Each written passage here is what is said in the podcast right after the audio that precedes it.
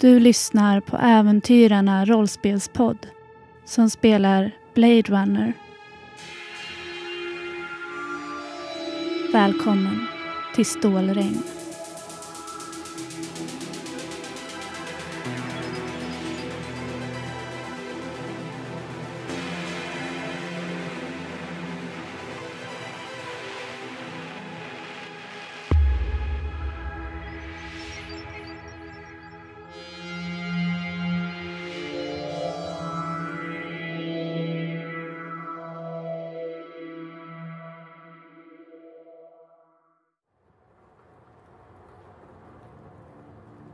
Det är kväll i LA och som vanligt så piskar regnet mot skyskrapans rutor när du tittar ut över den glödande stadsbilden.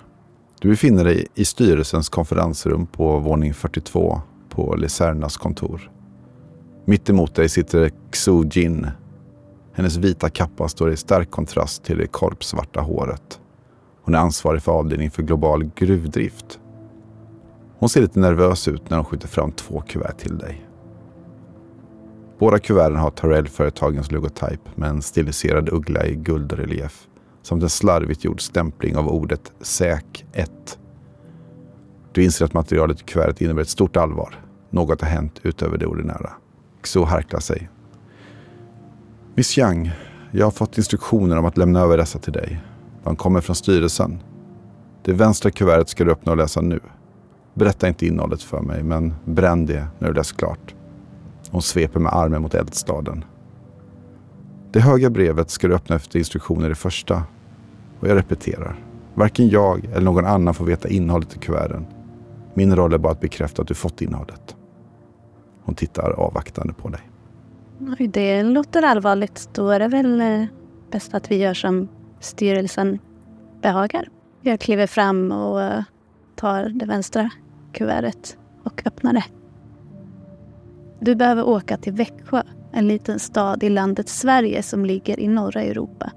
Ärendet är brådskande då vissa oegentligheter har uppstått vid en av våra verksamheter och behöver hanteras. Bege dig snarast till LAX. Ta med dig en minimal eskort för att inte väcka för mycket uppmärksamhet.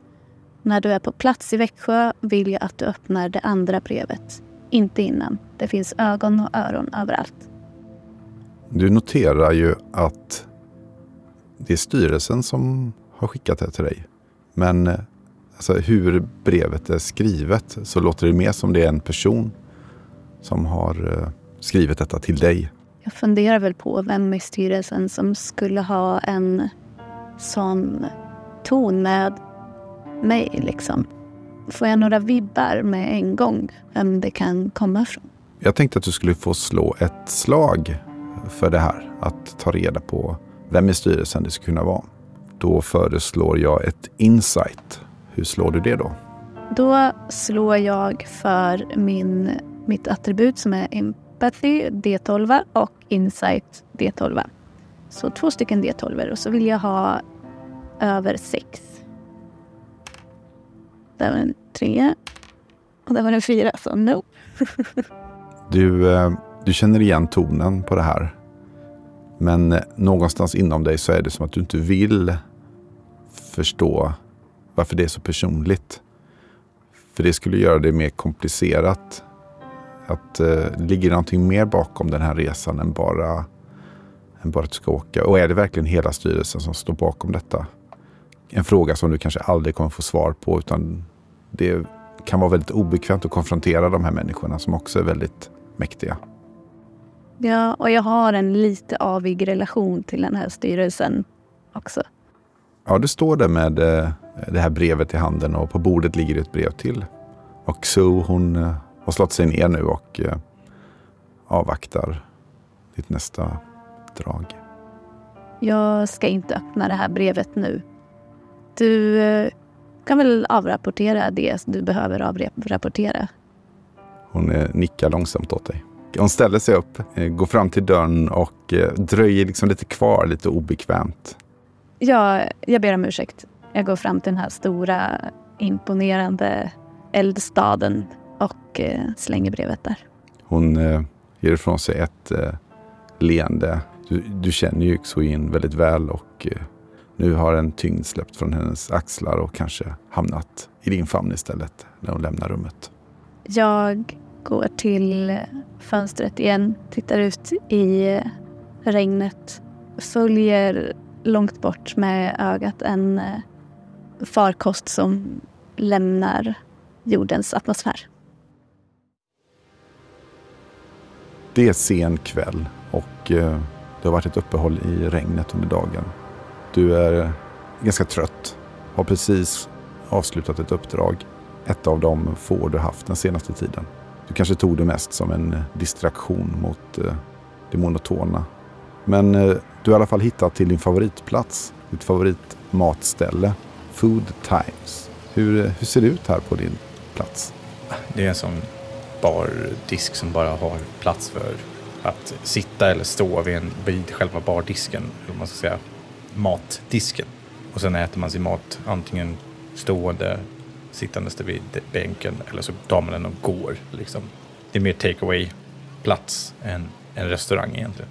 Det lyser av blått av neon eh, i taket och eh, en eh, svettig eh, asiatisk man håller på att laga till mat. Jag har beställt det jag brukar köpa där. Han känner igen mig. Även om det är lite knackigt med språket och så. Han pratar jättedålig svengelska, så det är mest asiatiska han pratar. Av något slag. Du ser ju de andra stammisarna här som brukar vara vid samma tidpunkt som du kom. Det här är en del i din rutin. Hur är Rick som person? Han är barsk. Han ser ganska sur ut. Det är inte den som man vill gå fram och prata med. Och lite är det också den signalen som han själv vill skicka ut. Att han vill att folk ska låta honom vara i fred. Han sitter i en smutsig, sliten trenchcoat och eh, väntar på att få sin mat. Han har fått sin dricka i någon slags syntetis blandad med sockerlösning i kolsyrad form. Tittar lystet på en av grannarna som har ett eh, glas troligtvis billig skitwhisky men blicken dröjer sig kvar vid det glaset. Varför känner du så? Ja, Rick har väl haft en del problem med spriten tidigare men eh, ingenting som inte är under kontroll, åtminstone just nu. Du avbryts eh, av att du får din mat. Som vanligt är den exakt som du vill ha den och det är eh, vällagat men enkelt såklart. Och gärna nya protomatnudlarna som de har börjat producera här i närheten. Vad, vad tycker du om protomat? Äh, det är ju syntetiskt som allt annat. Det går ner. Det är ju Dex och Dina Drake som driver Protomat. De är ju några eh, väldigt framgångsrika entreprenörer och eh, har blivit en typ av rockstjärnor. De är så vältränade och snyggt klädda. Och vad säger dina eh, känslor för den typen av uppkomlingar? Det är väl en typ av fasad som alla andra försöker hålla uppe som är, har det bättre ställt än de andra här i den här stan. Du ser att eh, personen som satt bredvid dig har druckit upp eh, sin eh, whisky nu och eh, verkar lämna utan att betala. Å ena sidan så tycker jag väl att den här personen är helt okej okay och gör bra mat. Men jag orkar inte bry mig om att han missar en kund. Jag gör så här istället. Medan när jag ser att han går iväg så visslar jag till lite lågt för att få kockens uppmärksamhet. Du visslar till och Yao vänder sig om och eh, Hallå där! Du ser hur den där personen vänder sig om och bara gör en liksom fraktfull nick och går vidare. Jag väntar nog mer på Yaos reaktion. Yao han eh, skriker lite otidigheter men han kan inte lämna sitt kök. Nej, jag gör nog ingenting. Jag tittar mest på den där drinken. Yao rycker på axlarna och fortsätter. Det är lite djungens lag ibland. Och det, är väl inte, det är väl inte första gången någon har tagit springnota här. Ja, men du sitter och äter din mat och eh, kvällen är fortfarande ganska ung när du är färdig här. Mm. När du ställer dig upp och eh, låter blicken svepa över omgivningen så ser du den här uh, blinkande, halvt trasiga neonskylten ett stycke bort. Det är den här baren som du brukar hänga på för att hitta kunder. Mm. Du vet kanske inte vad den heter egentligen. Den kallas Love Bar eller något liknande. För det står på mm. kinesiska och det är kanske något du aldrig lärt dig egentligen att läsa. Ett sånt hologram av ett hjärta och eh, en kurvig kvinna ovanför som roterar. Jag gissar att den mer lockar in folk än den erbjuder det som den, eh, som den på något sätt skyltar med. För det är en ganska skabbig, mörkt ställe där mest skumma typer träffas. Jag tar mig fram i det här uh, myllret människor. Det har börjat regna lite grann. Jag har en tidning på, ovanför huvudet för att undvika att bli blöt medan jag passerar alla människor med sådana här lysande paraplyn som fortfarande är en grej här. Ovanför mig så flyger det runt en blimp med reklam för att lämna jorden till, för att åka till en sån koloni någonstans ute i rymden. Och när du går fram där så knuffas det ju från höger och vänster för det är väldigt trångt här. Det är väldigt mycket folk ute. Mm. Hela tiden egentligen. Den här staden sover ju aldrig. Och när du kommer fram till entrén, dörrvakten nickar ju åt dig och känner igen dig och liksom eh, går åt sidan. Du känner den här vibrationen i marken som kommer med jämna mellanrum från sprängningar bortifrån de stora gruvschakten långt österut. Mm. Jag hälsar på eh, vakten lite grann. När jag är nykter så brukar vi vara ganska goda vänner, men när jag har druckit så är vi inte alltid sams. Ricky är lite grann av en person med få ord, så han nickar nog mest, grymtar lite, mm. går in. Det strilande regnet eh, och dess ljud dämpas ganska fort när du kommer innanför och här inne är det rökigt, varmt och eh, ganska stimmigt. En del sitter i bås och har eh, mer privata konversationer. Och det är ett ganska blandat klientell här. De flesta som går hit har varit här förut eller vet vad det här stället har att erbjuda.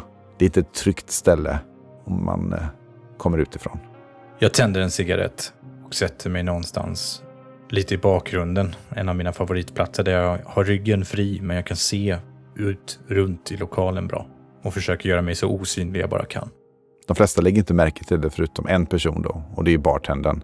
Han ser ju allt som händer och han, eh, han gör en nick till dig som du förstår att han frågar är det en vit period eller är du på botten igen? Nej, jag skakar nog bara på huvudet. Ja, han går vidare och eh, serverar en, eh, en annan gäst. Du känner igen den gästen han serverar. Mm. Och det är inte en stammis, men det är en person som mycket väl kan passa in här. Det är Harlan Wyke. Han är gift med en polis som du jobbade ihop med för ganska många år sedan. Jetta, Jetta Wyke. Ni har inte setts sedan dess, det är flera år sedan då. Ja, det är över tio år sedan. Hur kommer det sig? Jag slutade vara polis. Var det ett val? Eller var du tvingad till det?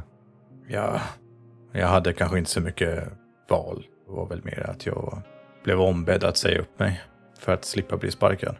Hur kändes det att eh, hela sammanhanget föll samman för dig? Just i stunden så tog jag det väl kanske inte så bra. Och där i efterhand så kan jag ju förstå att det var ju korrekt val.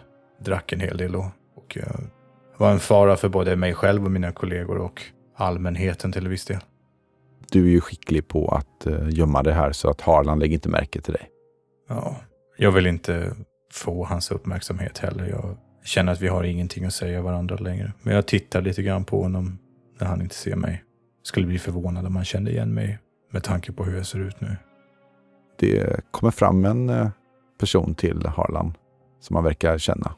En, uh, mm. en kvinna. De verkar inte vara kärvänliga på något sätt och så, utan det är mest som att de är kollegor eller någonting och de pratar med varandra och sen så lämnar de stället båda två. Jag tittar på kroppshållningen och så som hon har, om det verkligen är så. Jag är väl bra på att läsa av människor. Ja, du känner igen henne och eh, du kan slå ett eh, observationslag. Mm. Då ska jag slå med sex eller högre med minst en av tärningarna. Jag slår en sjua. Du känner igen henne som Freya Niffin. Du har eh, satt fast henne en gång för många år sedan. Hon höll på med förskingringar och ekonomiska brott. Okay. Hon eh, ryktas som att vara en eh, typ en revisor åt en maffia eller så. Så hon har, har ju väldigt, väldigt mycket kontakter i undervärlden. Och du vet ju inte exakt vad hon pysslar med nu om du inte har letat efter den informationen. Men antingen är Harlan i en knipa eller så har han styrt om kurs i livet. Jag har ju inget bättre för mig, så jag börjar kanske följa efter dem. Jag har ju tänt en eh, cigarett, går ut medan jag röker på den. Följer långsamt efter dem på behörigt avstånd. De går ju bredvid varandra men pratar inte med varandra vad du kan se eller höra då. Utan Ja. eh, de är på väg någonstans. Lite oklart vem det är som leder. De verkar båda två veta vart de ska. Mhm. Det är några kvarter och de går inåt stan mot finare och finare områdena. Och till slut så kommer de fram till en eh, gränd där de viker av. Inne i gränden så ser du att de stannar vid en, eh, en dörr gissar du. Det är ju mörkt i gränden. Och så hör du ett ljud av hur någon knackar på en metalldörr. Du hör det här ljudet av en eh, lucka som skjuts åt sidan, ett skrapljud. Något mumlande tyst. Det stängs och en ljuskägla skjuter ut från eh, väggen där dörren öppnas och eh, de försvinner in dit. Jag har ju en liten lättdold kamera. Så när den här händelsen uppspelar sig så står jag runt ett hörn och så fotograferar jag med den här kameran samtidigt. Och man kan se en hand som öppnar dörren och sådana saker. Du ser den här eh, handen och du ser eh, ansiktena väldigt tydligt nu. För nu är ju det här ljuset är ju stark kontrast mot den här eh, svarta gränden och de försvinner in och sen blir det helt mörkt igen då. Mm. Du hör ett ljud bakom dig, ett steg eller flera steg. Jag stoppar ner kameran snabbt och vänder mig om. Det står två stycken personer framför dig. Den ena känner du igen, den andra känner du inte igen. Mm. Vem är det jag känner igen?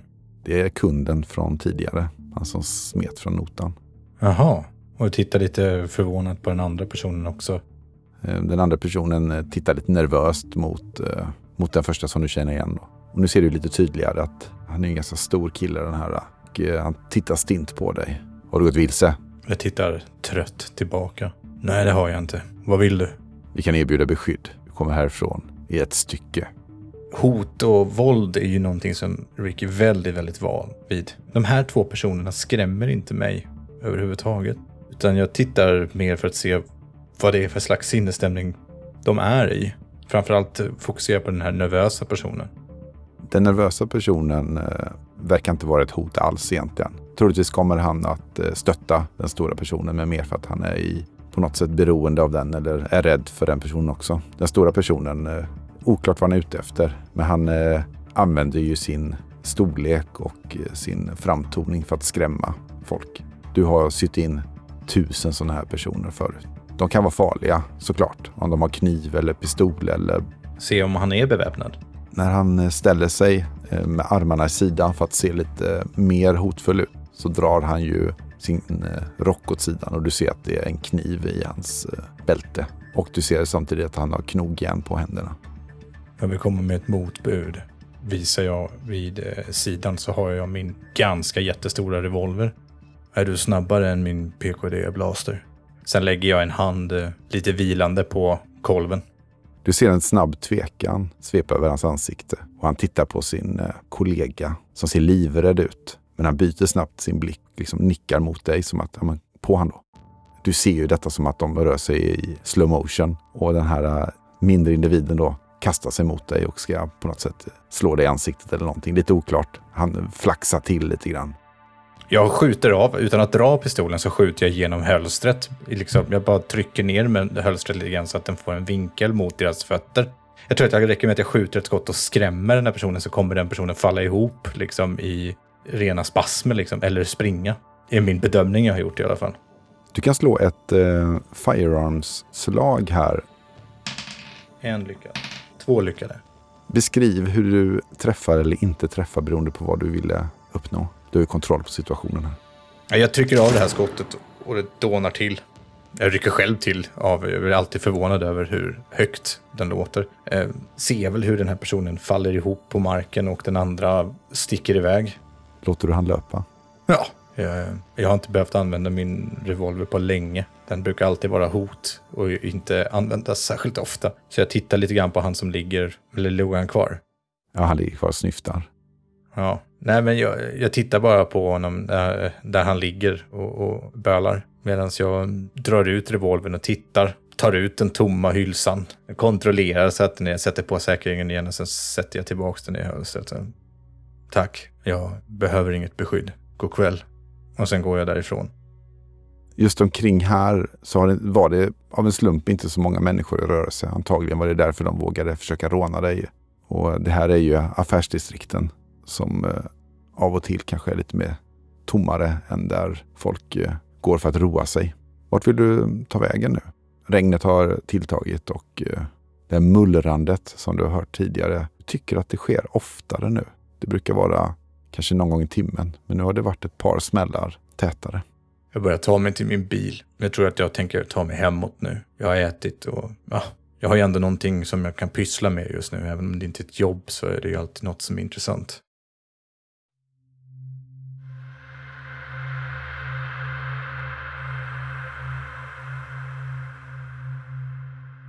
Tänk att ovan molnen försvann all oro direkt.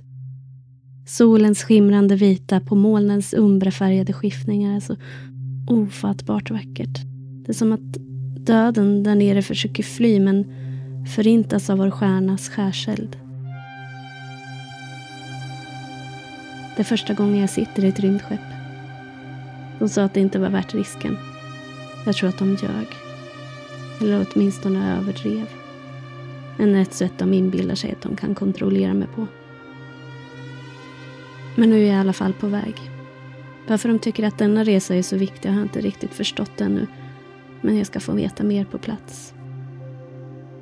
Jag ska till ett litet land i norra Europa. Sverige. 40 miljoner själar krälar i stoftet där. Är det för ren överlevnad de står ut med sina torftiga liv? Eller är det något annat? Staden heter Växjö. Vi har en viss verksamhet kvar där. Kanske vill de att jag ska stänga ner den. Dags för återinträde. Nästa gång vi hörs är jag där nere igen. Jag hoppas vi ses snart.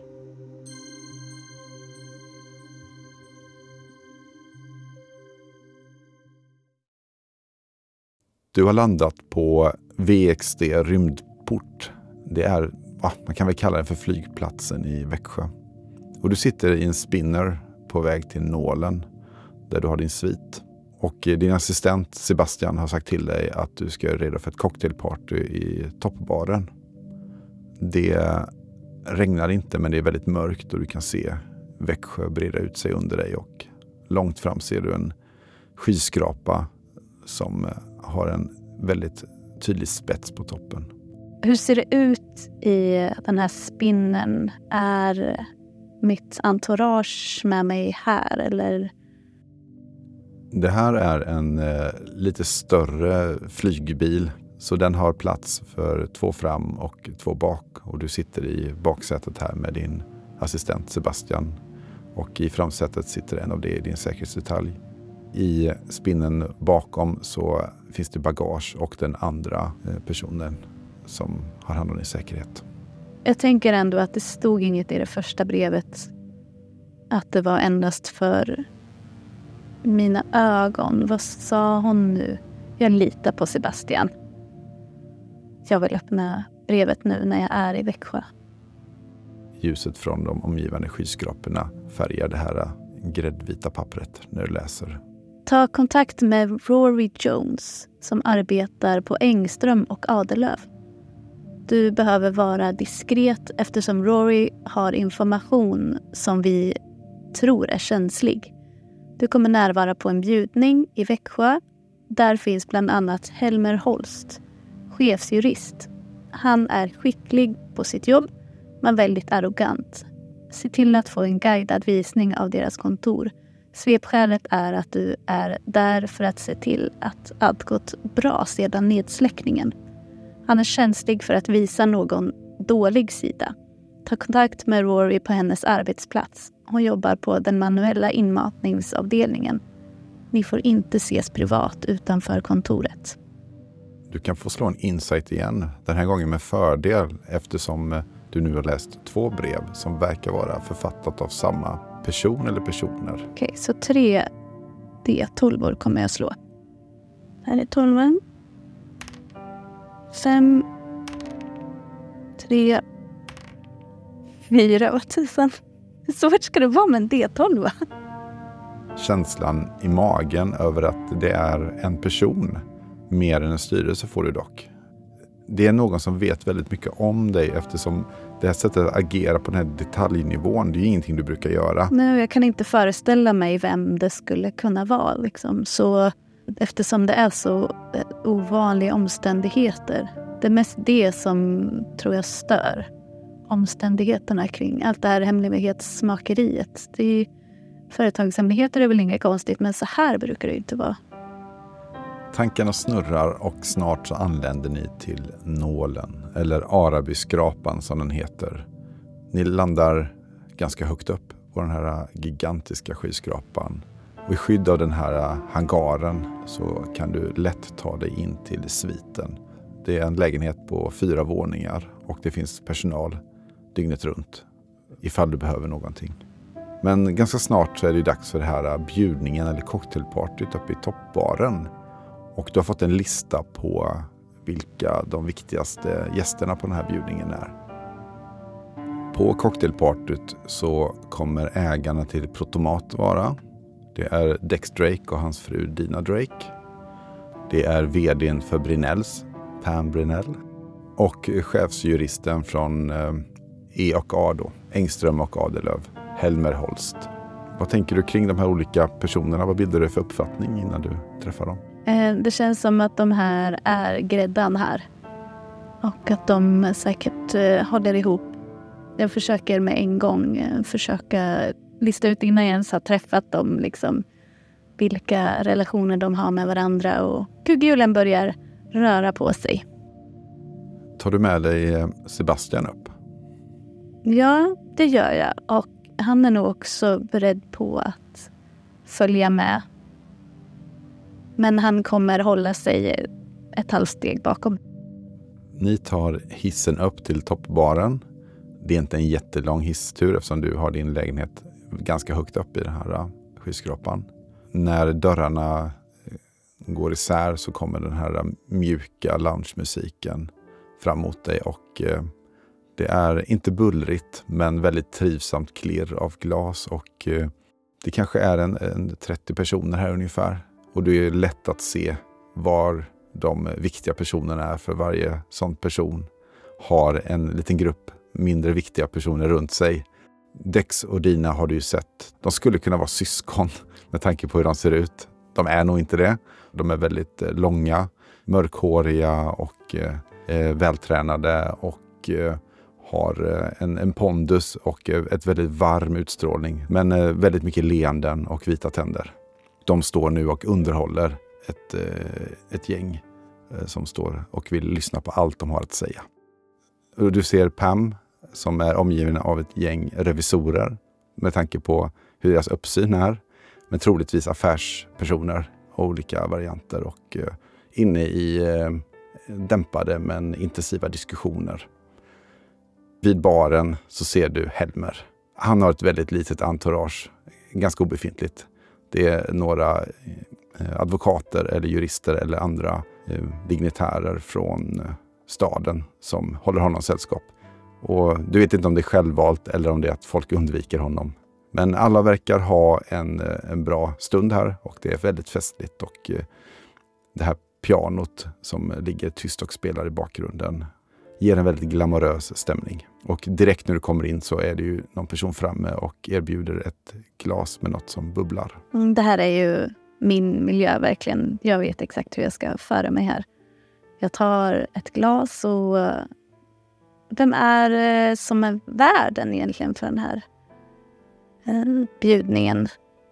Vad du förstår så är inbjudan från Dex och dina Protomat som de firar ju ständigt sina framgångar, men det finns alltid en anledning till att ha de här bjudningarna. Då. När du då identifierar dem längre bort där, så Dina lägger ju märke till dig direkt och eh, ursäktar sig och kommer fram till dig och blinkar lite mot dig och säger och, Miss Young förstår jag, välkommen. Och ni är Dina Drake förmodar jag? Ja, förlåt, vad klumpigt. Eh, eh, ja, eh, det är jag och min eh, make Dex och så hon gör en svepning med handen bakåt. Som eh, tänkte det var kul att träffas här. Vi var i kontakt med ert folk och hörde att ni skulle flyga in. Så eh, ja, jag tänkte där, där har du eh, min make som sagt. Eh, där borta har du Pam också, är här ikväll. Och så, såklart Helmer då. Så vad, vad, vad för dig till Växjö? Jag är väl här för att titta lite hur det har fungerat sen nedsläckningen och sådär. Jag har hört att det har gått ganska bra här. Ja, vi har ju knappt haft några problem, men det är för att vi inte riktigt är i, i er bransch. Ja, för oss har det gått utmärkt såklart. Jag vet att både Brinells och Engström Adelöv har haft sina problem. Ja, nej, men eh, jag är väldigt nyfiken på hur det har fungerat och sådär. Och det är väl eh, lite det det är här för. Låt mig då introducera dig till Pam här så kan du ställa lite frågor och du ser en glimt i hennes öga. Hon har nog, eftersom de är ett ganska nystartat bolag så har inte de haft några av de här problemen som Tarell-företagen haft egentligen. Då. Hon eh, krokar arm med dig ganska så här eh, kärvänligt väldigt fort här. Men gör det på ett sätt så det känns väl hyfsat bekvämt. Hon drar med dig bort till Pam. Jag ler vänligt och glider med. Hon lägger en eh, hand på Pams axel som rycker till. Hon är inte van vid, att, vid den typen av beröring. Eh, ja, här är eh, fru Pam Brinell. Eh, får jag presentera Susanna Young. Eh, jag hörde att eh, hon är här för att besöka er och så gör hon en blinkning till eh, dig. Du ser direkt hur eh, Pam skrynklar ihop eh, ansiktet i en min, men finner sig fort. Du förstår ju att det är ju Dina som hon inte alls gillar, utan tar din hand och eh, blir väldigt mycket mjukare och varmare mot dig och säger och, eh, men självklart, eh, du får gärna besöka anläggningen och vi kan träffas på kontoret eh, så fort det passar er. Jag eh, tänkte att jag skulle kika förbi lite bara och se hur det funkar här borta. Jag tar hennes hand tror jag väldigt eh, mjukt och hon ser lite nervös ut och säger ja, vi jobbar ju alla mot samma mål ändå. Ni står där och småpratar en stund och utbyter eh, artigheter. Så kommer Dex fram. Miss Young förstår jag? Ja, Susanna. Vill önska dig väldigt välkommen till eh, Växjö och hoppas du har tid att eh, mötas privat vid tillfälle innan du lämnar. Åh, det tackar jag för. Vilken gästvänlighet.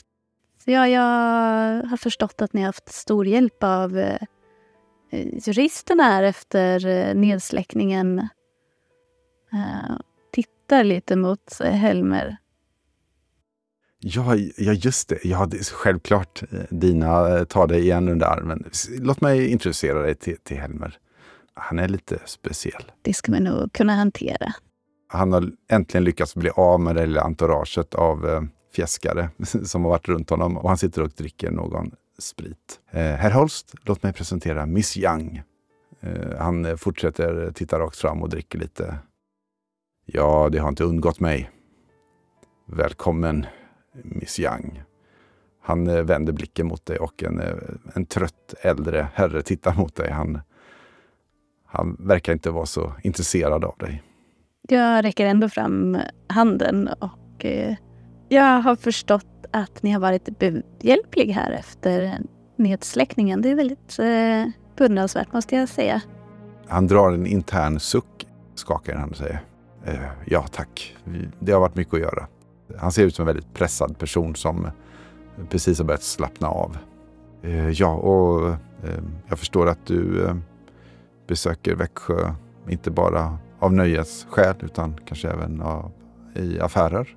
Ja, såklart. Jag kan inte låtsas om någonting annat. Det vore ju väldigt intressant att få en visning det är ett imponerande jobb ni har gjort förstår jag. Det var en riktig rysare den där nedsläckningen. Och med hur allt har gått här så ja, man blir nyfiken. Ja, jag är rädd att göra dig besviken. Självklart får du gärna komma och besöka oss. Eh, hade vi haft mer resurser så hade vi också varit i samma sits som ni. Men nu ja, har ju pengarna gått till annat. Han tittar lite på dina kläder märker du. Liksom. Du ser ju väldigt rik ut i din outfit där. Men eh, uppskattar du och tittar på eh, papper som vänds och eh, maskiner som knattrar så är du väldigt välkommen att besöka oss. Det är mitt jobb, Mr Holst. Be dina assistent att kontakta kontoret bara så sätter de upp det. Och, eh, jag kan inte lova att jag är där hela tiden men om jag är där så guidar jag dig gärna. Annars så har jag eh, andra som kan hjälpa dig. Eh, ja, tack så mycket. Det hade ju varit fint men en personlig guidad visning såklart. Men jag tycker inte att man ska, du ska förminska er roll i det här. Vill du prova att slå ett manipulation på honom? Jag tänker också att om man gillar sitt arbete så kanske han också gillar att prata om det. Det är min förhoppning om jag rullar bra här. Manipulation. En D12. Ja, en sexa, ett öga och dubbelöga, en tia. Så tre ögon sammanlagt. Du upplever att eh, när ni står där och pratar en stund att han börjar ändra attityd. Du säger ju rätt saker för att få honom att, eh, att visa mer av sitt arbete. Och han börjar bli mer och mer mån av att ja, men det, är nog en, det är nog en god idé att vi, att vi träffas och så kan jag visa dig eh, hur det fungerar. Och, ja. och sen så fastnar du lite i en ganska lång diskussion med honom om databehandling, om säkerhet av information och sånt som du kan mycket om såklart. Men jag vet inte om du är superintresserad av det egentligen. Nej, men jag tror att jag, jag är intresserad av det för som ett verktyg att prata med människor som honom. Och då kanske han på något sätt hamnar i den här i zonen där man bara pratar om sitt jobb. Kvällen går mot sitt slut. Du har ganska trevligt. Alla mjuknar upp efter några drinkar och eh, kanske att alla är så trötta också. Och sent på natten så befinner du dig i en svit och du är redo att gå och lägga dig när du får ett pling. Och du kan läsa att du har ett möte med Helmer Holst på Engström Adelöv. Du tar dig tillbaka till din eh, spinner och eh, lyfter och åker mot din, eh, ja, din och din frus lägenhet. Var ligger den någonstans? Det finns ett tiotal lägenhetskomplex en liten bit utanför själva centrum av det här. Söder om lager 42, längs med en av de stora motorvägarna som är där. Mest så är det ju gruvtrafik som passerar. Stora svävande lastbilarna som finns där. Det är ganska rogivande att då titta på lamporna som passerar förbi i ganska hög fart. Det finns berättelser om hur det har varit här en gång i tiden, men just nu så är det bara en ständigt växande dammig öken mer eller mindre runt omkring. Så jag tar min svävande bil och flyger ut mot hemmet igen. Du ser de här gigantiska lagerkomplexen där lager 42 är ett, sticker ut lite grann med sin otroligt stora hangar. Och sen ser du de små byggnaderna runt om och du svänger av då neråt mot där ni bor, det här lägenhetskomplexet.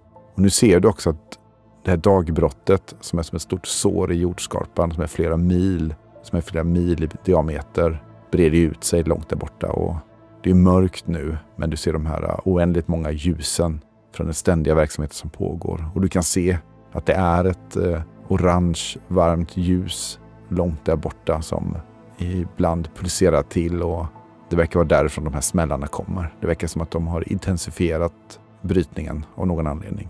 Och det brukar vara bra för stan för då tillkommer det fler arbetare och det är alltid bra när ekonomin drivs upp. Men med det kommer också mer problem eller mer kriminella element. Jag gillar min lägenhet. Den har översikt över lager 42. Även om det inte är en särskilt vacker utsikt. Men det är svårt att få tag på om man inte betalar många miljoner. Men jag gillar den utsikten för att en hel del saker stuvas in i lager 42 som inte alltid är bara arbetsrelaterade saker. Så att jag kan sitta på en stol med en kikare ibland och hålla koll på vad det är för något som händer. Men jag flyger in med min spinner på 30 våningen och eh, parkerar i ett garage som är på samma nivå som jag bor på. Det finns en liten port som öppnar upp sig. Men mer eller mindre parkerar jag av sig själv. Det finns sådana automatiska val nu, men jag gör det själv fortfarande för att inte glömma hur man gör. Uh, kliver ut. Det är ganska stökigt i garaget, men ja, jag öppnar upp ena dörren och går in i det som är köket. Vem är det du bor med? Min fru Rose. Hur ser er relation ut? Från utsidan så tror jag att man tänker att det, det är en ganska dålig relation. Vi bråkar rätt ofta. Mest jag som bråkar. Rose försöker vara snäll till lags. Det är sån hon är. Har alltid varit. Hon är inte hemma just nu när du kommer in. Kanske ute och gör några ärenden. Det är inte omöjligt att eh, något tog slut i kylskåpet. Så att hon är nog tillbaka när som helst. Mm. Känns det skönt att hon är ute eller saknar du henne? Nej, det är ganska skönt. Jag gillar att vara ensam och speciellt när jag ska fokusera på arbete så vill jag inte bli störd. Så att jag tar och går rakt in i köket och tar ut en glasflaska med mjölk och sätter mig i soffan i rummet intill med stora panoramafönster ut mot lager 42. Tar fram min kamera och kopplar in den till min Esper. Du hör det här klickande surrande ljudet när den matar in och framkallar den här bilden. Jag tänder en cigarett medan jag väntar. Det står en askkopp med flera stycken gamla fimpar i. Dricker en klunk mjölk. Väntar. Efter en liten stund så har den processat klart och är redo för dina order. Du ser en, eh, en bild. Ehm, Den bästa av dem väljer du ut. Mm. Då ser du ansiktena väldigt tydligt och den här armen. Du ser dörren. Du ser även att eh, det finns något som blänker i bilden som eh, ljuskäglan har träffat lite snett bakom det här paret. Zooma in ruta 34 till 36. Förstora 34 och 36. Den surrar till och eh, zoomar in på ansiktena och den här armen som sträcks ut. Ser jag någonting som sticker ut på något sätt i bilden? Den här armen eh, sticker ut lite grann för den har en, det är en kostymarm som sticker ut med en eh, klocka på. Jag eh, noterar vad det är för rutor på klockan och säger förstora 20 och 21. Den arbetar och eh, du får fram klockan. Du ser urtavlan. Du kan slå en observationslag för att få reda på mer om klockan. Lyckas med en. Du ser ju att den här personen är ju väldigt rik. Det är en, eh, en väldigt gammal klocka av en mekanisk sort som inte görs längre. Mm. Och det kanske kan finnas tio personer i den här stan som har råd med den. Och du ser ju även att det är en eh, fint sydd kostym som den här eh, armen tillhör. Backa. Den zoomar ut igen. Stopp. Jag försöker se om det finns eh, någonting annat. Ja, du ser någonting som eh, på vänstra sidan av bilden, mitt emot den här porten som är öppen, någonting som ser ut som en blank yta. Men det är ganska mörkt på bilden. Förbättra 16 och 17. Du ser hur bilden blir lite ljusare och eh, ja, det verkar vara en, eh, en glasruta. Ett fönster som står lutat mot eh, motstående vägg. Förstora 3, 4. Den zoomar in på den här eh, reflektionen. Panorera vänster. Stopp. Skärp bild. Du ser hur det blir tydligare. Men du är väldigt inzoomat nu så du ser inte helheten. Backa. En karikatyr på ett ansikte dyker upp från den personen som står innanför dörren. Skapa en ny bild. Skriv ut. Det surrar till och eh, bilden kommer ut från maskinen. Det är alltså någon som står inne, potentiellt ansiktet till handen. Du ser vem den här armen tillhör. Jag tar kortet när det skrivs ut och eh, håller det i handen. Dricker en klunk mjölk samtidigt som jag håller cigaretten i ena handen. S- Det är svårt, men det känns som att personen är bekant. Är det någon kändis kanske? När du tittat en stund så du vet exakt vem den här personen är. Ah. Och du är lite förvånad över att den personen var där i de sammanhangen kanske.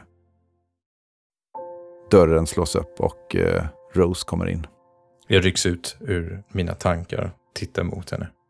Hon är ju i hallen och eh, vet ju inte att du är hemma. Hon går in i köket och börjar plocka in i kylskåpet och i skafferiet. Hon har nog varit och handlat mat. En eh, del av mig är ju sån att jag vill ju helst inte bekräfta att hon finns. Jag står tyst och eh, iakttar henne, vad hon nu gör för någonting.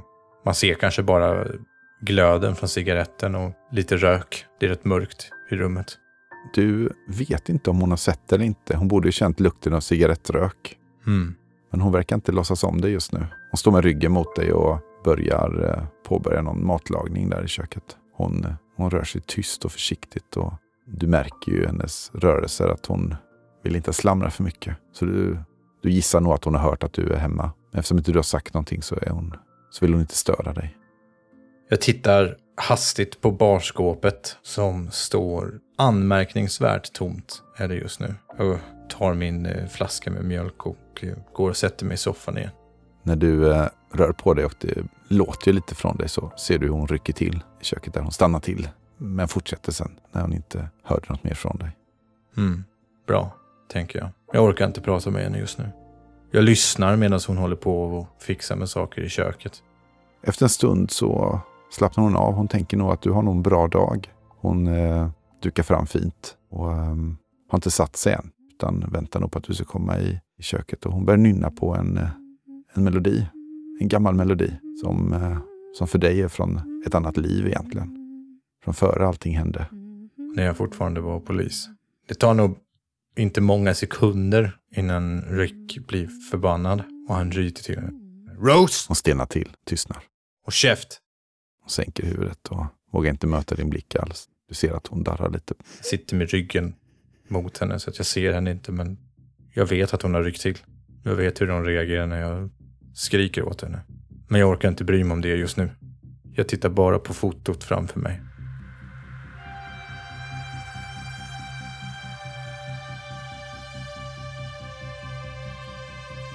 Du har hört Mia, Micke och Jörgen spela Blade Runner och äventyret Stålregn.